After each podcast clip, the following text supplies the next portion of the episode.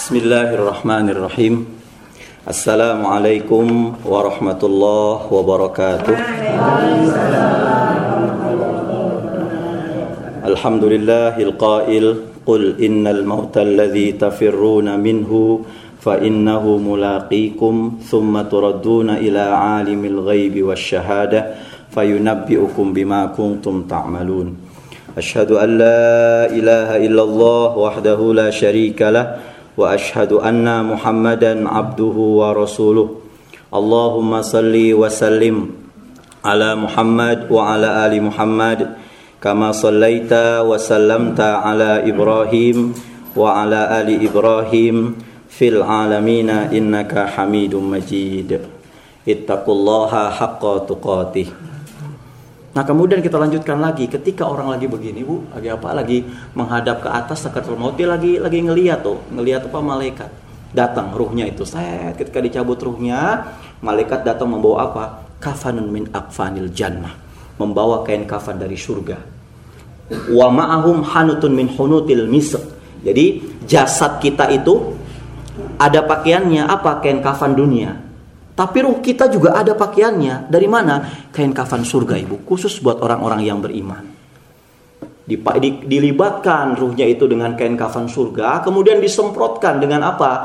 Harum-haruman misak dari surga. Langsung ruh itu naik ke pintu langit pertama. Ini menandakan langit itu ada tujuh. Makanya ada sidratul muntaha. Sidroh itu bidara. Al muntaha batas terakhir. The last destination. Batas terakhir terminal. Dibuka pintu pertama diketuk oleh orang beriman, diketuk assalamualaikum fastaftahul bab, terbuka itu pintu pertama. Malaikat yang di lantai ya apa di langit kedua itu bertanya, "Manir ruh toyib ini ruh siapa?" Kok wangi seperti ini? Disebutkanlah nama-nama yang pernah dia sandang, nama-nama yang bagus ketika di dunia. Makanya kasih anak namanya yang bagus, jangan jangan neko-neko. Tentang-tentang ada anak jalanan namanya si boy. Ya, Jangan yang mustahil, malakul a'la, raja di raja, mustahil itu. Jangan nama-nama dewa, mohon maaf Wisnu, kemudian Sri, ya Bu ya, mohon maaf kalau ada Ibu Sri di sini Bu ya. Sri, itu kan nama dewi. Tapi nama-nama nama saya itu di, dimentahkan nama dosen saya di di Timur Tengah Pak. Abdul Mukhlis itu salah. Harusnya apa? Abdullah Mukhlis. Hamba Allah Mukhlis yang ikhlas. Nggak bisa hamba yang ikhlas. Apakah yang ikhlas punya hamba? Nggak bisa selain Allah. Makanya ada tambah-tambahan Abdullah hamba Allah. Misalkan mau anaknya itu namanya uh, apa? Uh, siapa ya?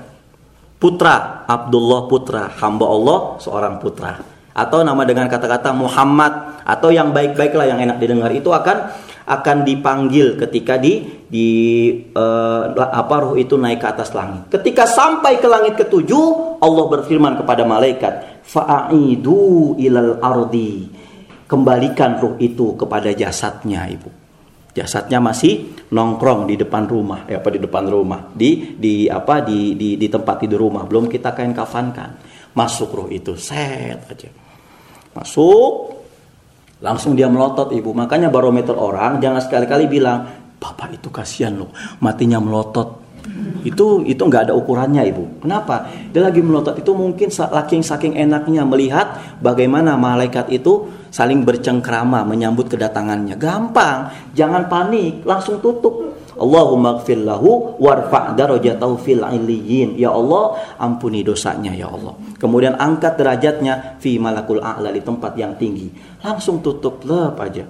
Melek lagi bu, kita kabur sama-sama. Ya nggak mungkin, nggak mungkin melek lagi. Nggak mungkin melek lagi. Nah setelah itu langsung ambil. Apa? Buku yang agak berat ibu. Jangan terlalu berat. Taruh di perutnya. Supaya apa? Kotorannya itu keluar.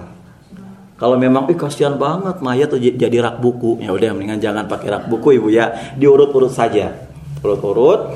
Nanti ketika mau dibang mau di apa dicuci itu baru diangkat aja. Pala dengan badannya setengah itu ngucur keluar dan kemudian secepatnya dimandikan, di kain kafani, jangan nunggu anaknya datang, jangan nunggu mau dimakamkan. Cuma kenapa? Karena kalau orang takziah mau langsung sholat kan bisa disolat, bisa disolatkan, ibu. Nah kemudian setelah disolatkan, setelah di kain kafani, setelah wangi, setelah suci, langsung mayat itu dibawa ke keranda. Rasul bilang lagi. Apa kata Rasulullah? Fa idza wudi'atil janazah fahtamal harijal. Kalau seandainya mayat sudah ditaruh diletakkan di atas keranda, itu maka yang membawa pertama yang membawa itu laki-laki, nggak boleh perempuan. Kemudian yang kedua dipanggul, bukan ditenteng, bukan dibawa kayak begini, tapi dipanggul. Ya.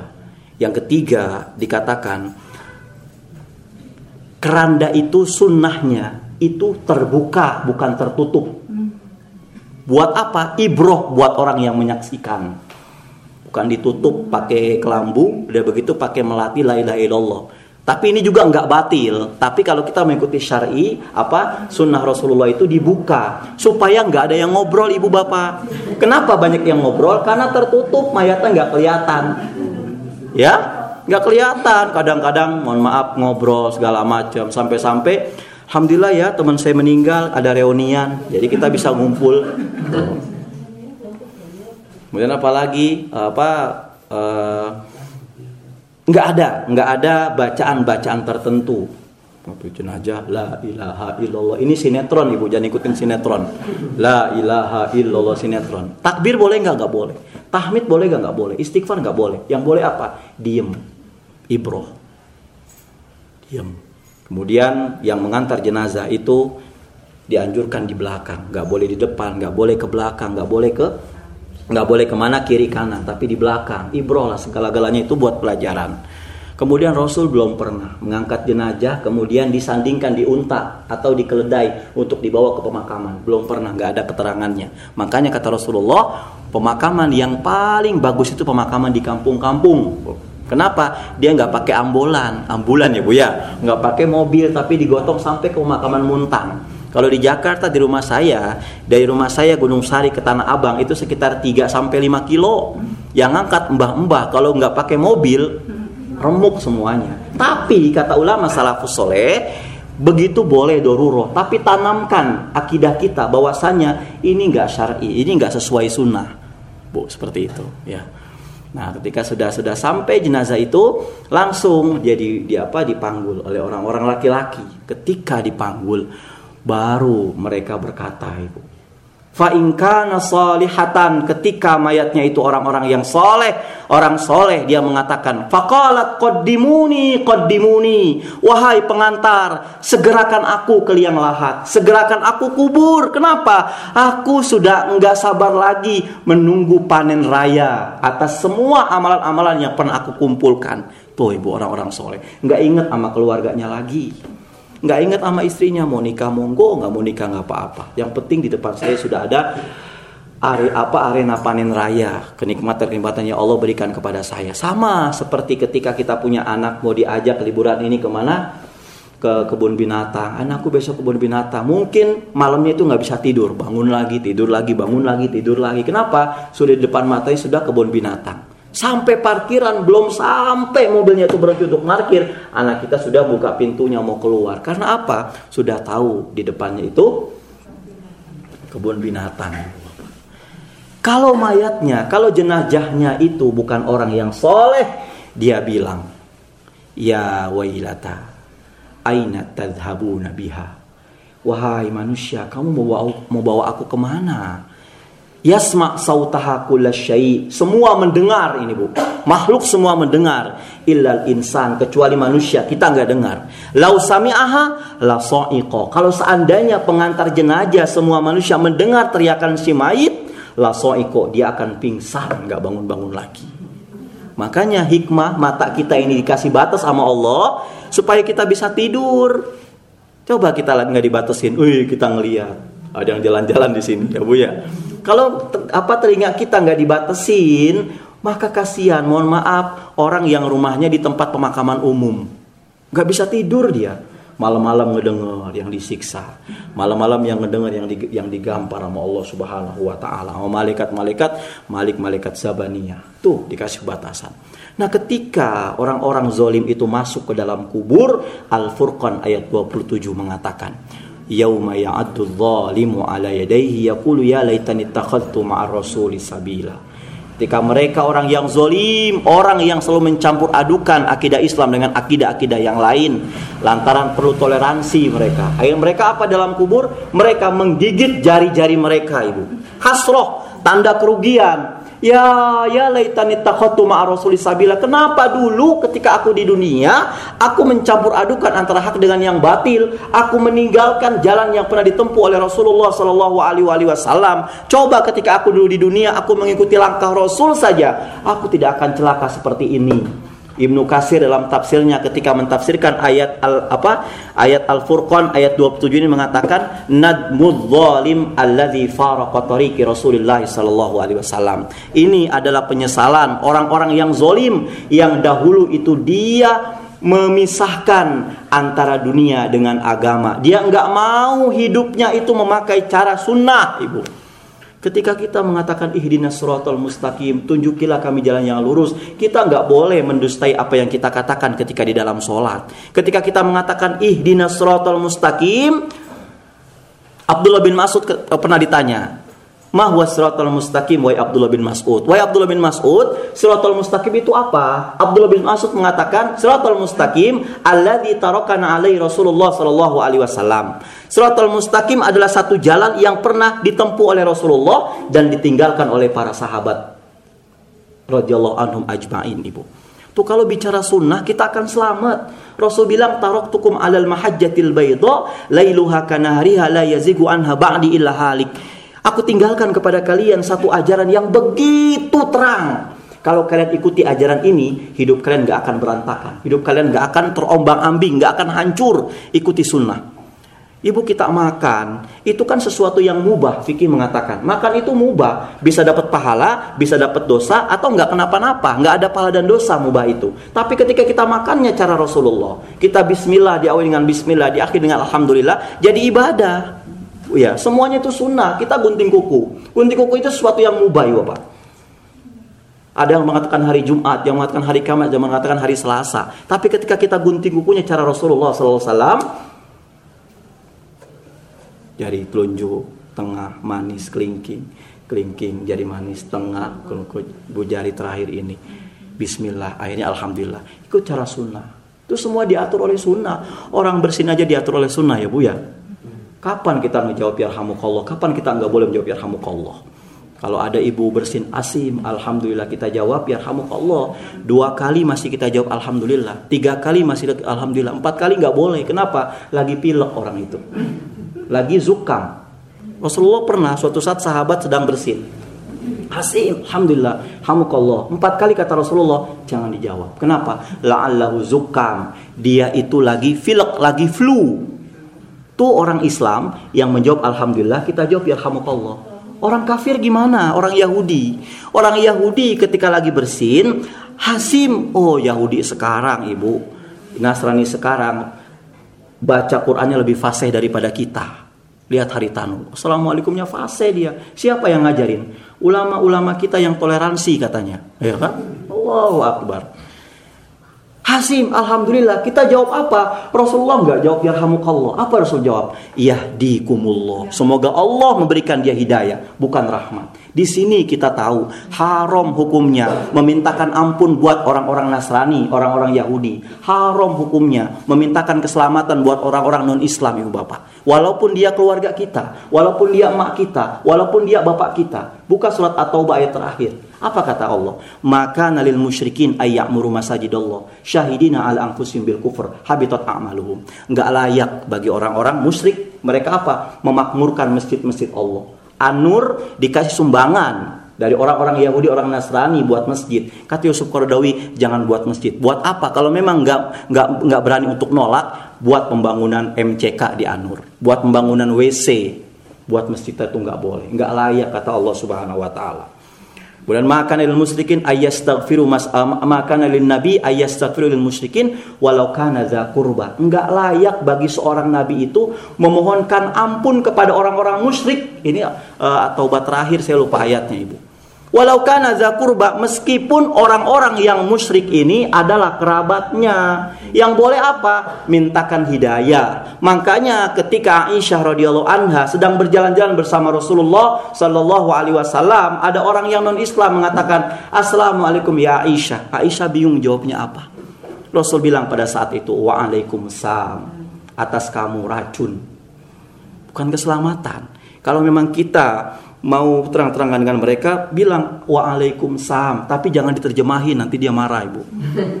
Atau atau lebih lebih apa lebih harus lagi waalaikum atas kamu. Itu seperti itu. Nah momentum kita momentum Natal momentum tahun baru. Kita di, dibingungkan dengan ulama-ulama ibu ya. Dengan orang-orang cendekiawan cendekiawan mereka itu kadang-kadang berani mengucapkan selamat Natal. Orang-orang soleh dulu menolak untuk mengucapkan selamat Natal. Kenapa? Yang pertama, izul Islam. Dia itu ingin meningkatkan kemuliaan Islam. Nggak mau mempertaruhkan akidahnya hanya untuk mengucapkan selamat Natal, Ibu. Yang kedua apa? Menjaga diri kaum muslimin. Yang ketiga, meminta ridho rahman Allah Subhanahu wa taala. Kita ya, mengucapkan Natal saat ini ngapain? Yang pertama, kita ingin memproklamasikan diri kita adalah ulama yang toleran ulama yang toleransi berani untuk minta sumbangan Allah sekarang ini ibu bapak namanya asong namanya aseng pakai peci pakai sorban masuk ke masjid dicium sama santri uh cium tangan sama santri dulu nggak ada mereka itu disambut dengan apa Tola al badru alaina. Tola al badru alaina itu di sirah nabawiyah. Itu adalah solawat yang pernah menyambut Rasul dan para sahabatnya ketika pulang dari perang Badar. Sekarang menyambut siapa? Menyambut orang-orang kafir, Bapak Ibu. Kita ujung-ujungnya duit soalnya. Kemudian kita mengucapkan Natal, tolabud dunia. Kita masih mengharapkan dunia ya Bapak. Lihat teman-teman saudara-saudara kita. Saya nggak menyalahkan mereka, tapi kasihan dengan mereka. Kan di Carrefour, di Rita, di Mickey Mouse. Mereka nggak tahu pakai topi santer kelas. Ya Bu ya, pakai bando kijang rusa. Muka ditutupi nama pohon cemara ya. kasihan mereka namanya siapa Muhammad Ismail ya Allah kasihan Nah memang memang tadi saya pengajar ada yang nanya, Pak ini saya dibingungkan nih sama sama ketua PP Muhammadiyah Pak Din Samsudin senior saya ibu beliau. Dia beliau mengatakan kan nggak nggak kenapa-napa mengucapkan selamat Natal. Tapi dulu memang waktu ketika saya pembekalan dengan beliau itu masih di Gontor saya teman ada yang nanya kenapa beliau mengucapkan begitu ada syaratnya kalau seandainya kita mengucapkan Natal itu berani mengucap Natal yang penting akidah kita sudah kokoh jadi nggak nggak nggak bisa dipengaruhi oleh mereka itu alasan beliau. Tapi kalau seandainya akidah kita masih memble, sahabat seperti kita ibu-ibu, janganlah mengucapkan selamat Natal. Pendeta Irene juga mengatakan mereka itu dulu mengucapkan selamat Idul Fitri dengan harapan kamu itu ketika Natal mau mengucapkan selamat Natal. Padahal mereka itu ketika Idul Adha mereka nggak berani mengucapkan selamat Idul Adha. Kenapa? Karena di Injil mana pun yang disembeli itu bukan Nabi Allah Ismail tapi Nabi Allah Ishak. Ketika mereka mengucapkan selamat Idul Adha, mereka berkeyakinan bahwasannya yang disembeli adalah Nabi Is Nabi Ismail, Ibu. Ini semua sudah diatur oleh sunnah.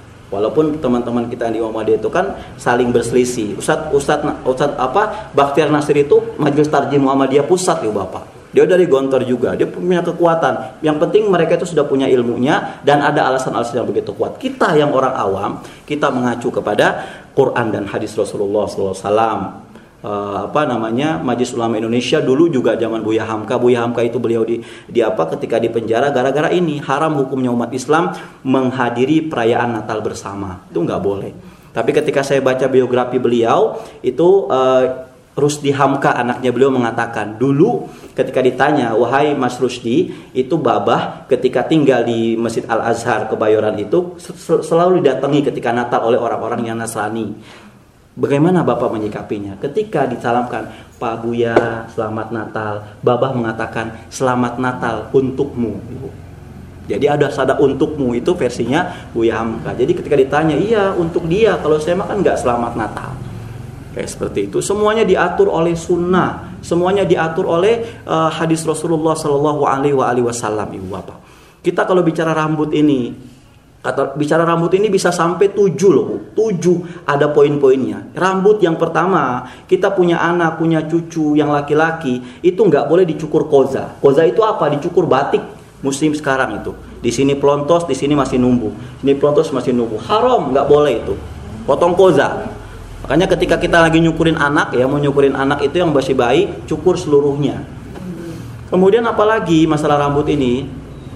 Yang kedua, kalau rambut kita sudah ada ubannya, makruh jangan dicabut. Hmm. Kenapa? Asyaibu itu nurun yaumal kiamah kata Rasulullah. Uban itu cahaya di hari kiamat nanti. Ya, cahaya kita. Kalau gatal gimana? Udahlah garuk aja gatal jangan di, jangan dicabut. Nah kemudian kalau ubannya banyak pak gimana nih pak saya malu ubannya banyak. Abu Kuhafa sahabat Rasulullah itu pernah jalan di depan Rasulullah. Ketika Abu Kuhafa jalan, Rasul bilang, "Ya Abu Kuhafa, ghayyiru hadza istawat bisawat." Wahai Abu Kuhafa, rubah rambut kamu ini, tetapi jauhi warna hi, warna hitam.